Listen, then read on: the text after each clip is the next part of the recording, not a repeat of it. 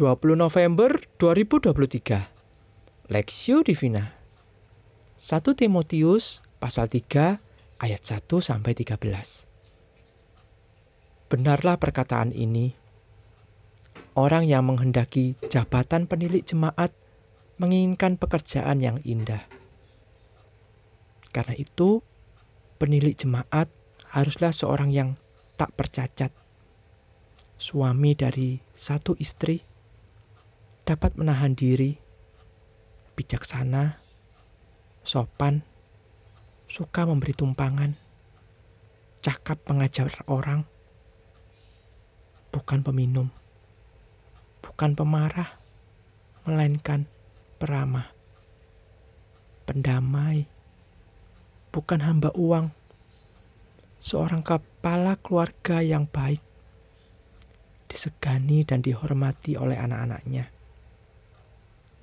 Jikalau, so, jikalau seseorang tidak tahu mengepalai keluarganya sendiri, bagaimanakah ia dapat mengurus jemaat Allah?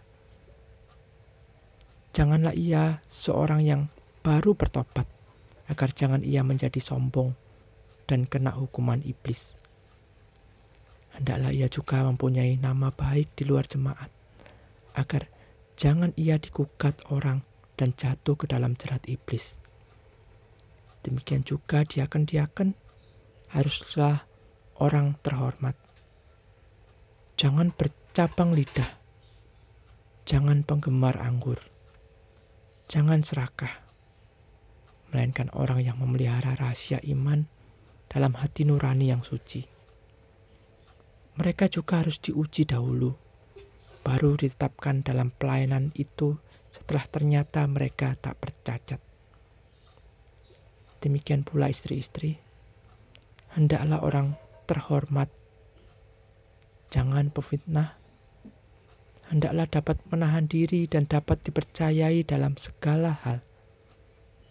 Diaken haruslah suami dari satu istri dan mengurus anak-anaknya dan keluarganya dengan baik. Karena mereka yang melayani dengan baik beroleh kedudukan yang baik, sehingga dalam iman kepada Kristus Yesus mereka dapat bersaksi dengan leluasa. Kualifikasi pemimpin jemaat perspektif, karena mereka yang melayani dengan baik beroleh kedudukan yang baik, sehingga dalam iman kepada Kristus Yesus mereka dapat bersaksi dengan leluasa. 1 Timotius pasal 3 ayat 13. Pemimpin adalah orang yang dipercaya untuk mengatur dan mengarahkan jalannya sebuah komunitas atau bahkan negara. Karena itu diperlukan kualifikasi tertentu untuk dapat memilih pemimpin yang baik dan benar. Dalam 1 Timotius pasal 3 ayat 1 sampai 13 kita menemukan pedoman yang penting mengenai kualifikasi pemimpin jemaat. Pasal ini memberi panduan yang jelas tentang karakter integritas, dan pelayanan yang harus ada pada mereka yang hendak memimpin gereja. 1 Timotius pasal 3 ayat 1 sampai 7 mengingatkan bahwa menjadi seorang penggembala gereja adalah panggilan yang agung. Kualifikasi utamanya adalah memiliki hasrat panggilan tersebut, bersikap disiplin, bijaksana, dan tegas dalam iman. Pemimpin gereja juga harus memiliki tata krama yang baik dalam kehidupan pribadi.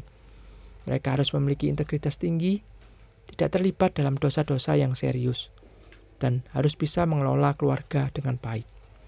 Ini menunjukkan bahwa kualitas kepemimpinan gereja berkolerasi erat dengan karakter pribadi.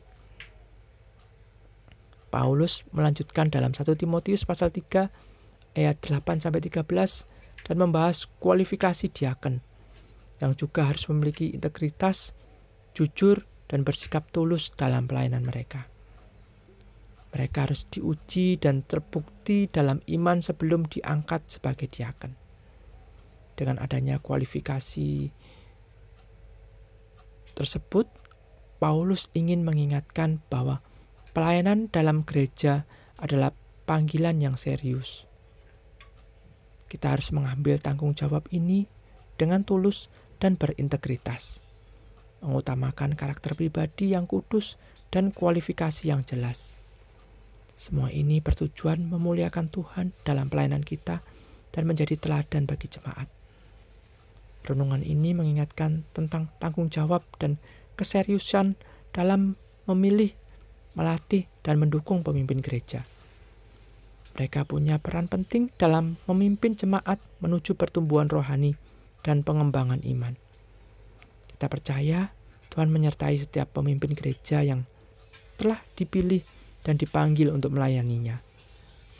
Mari kita terus dukung dan doakan para pemimpin gereja agar mereka dimampukan Tuhan menjalankan tugas dan pelayanannya bagi kemuliaan nama Allah. Studi pribadi apa kaitan antara kualifikasi seorang pemimpin gereja dengan kemajuan gereja? Apa yang akan terjadi bila gereja memilih pemimpin tanpa ada kualifikasi? Pokok doa, doakan para pemimpin GKA Gloria, baik majelis, hamba Tuhan maupun pengurus, agar melayani dengan setia dan memiliki hati takut akan Tuhan.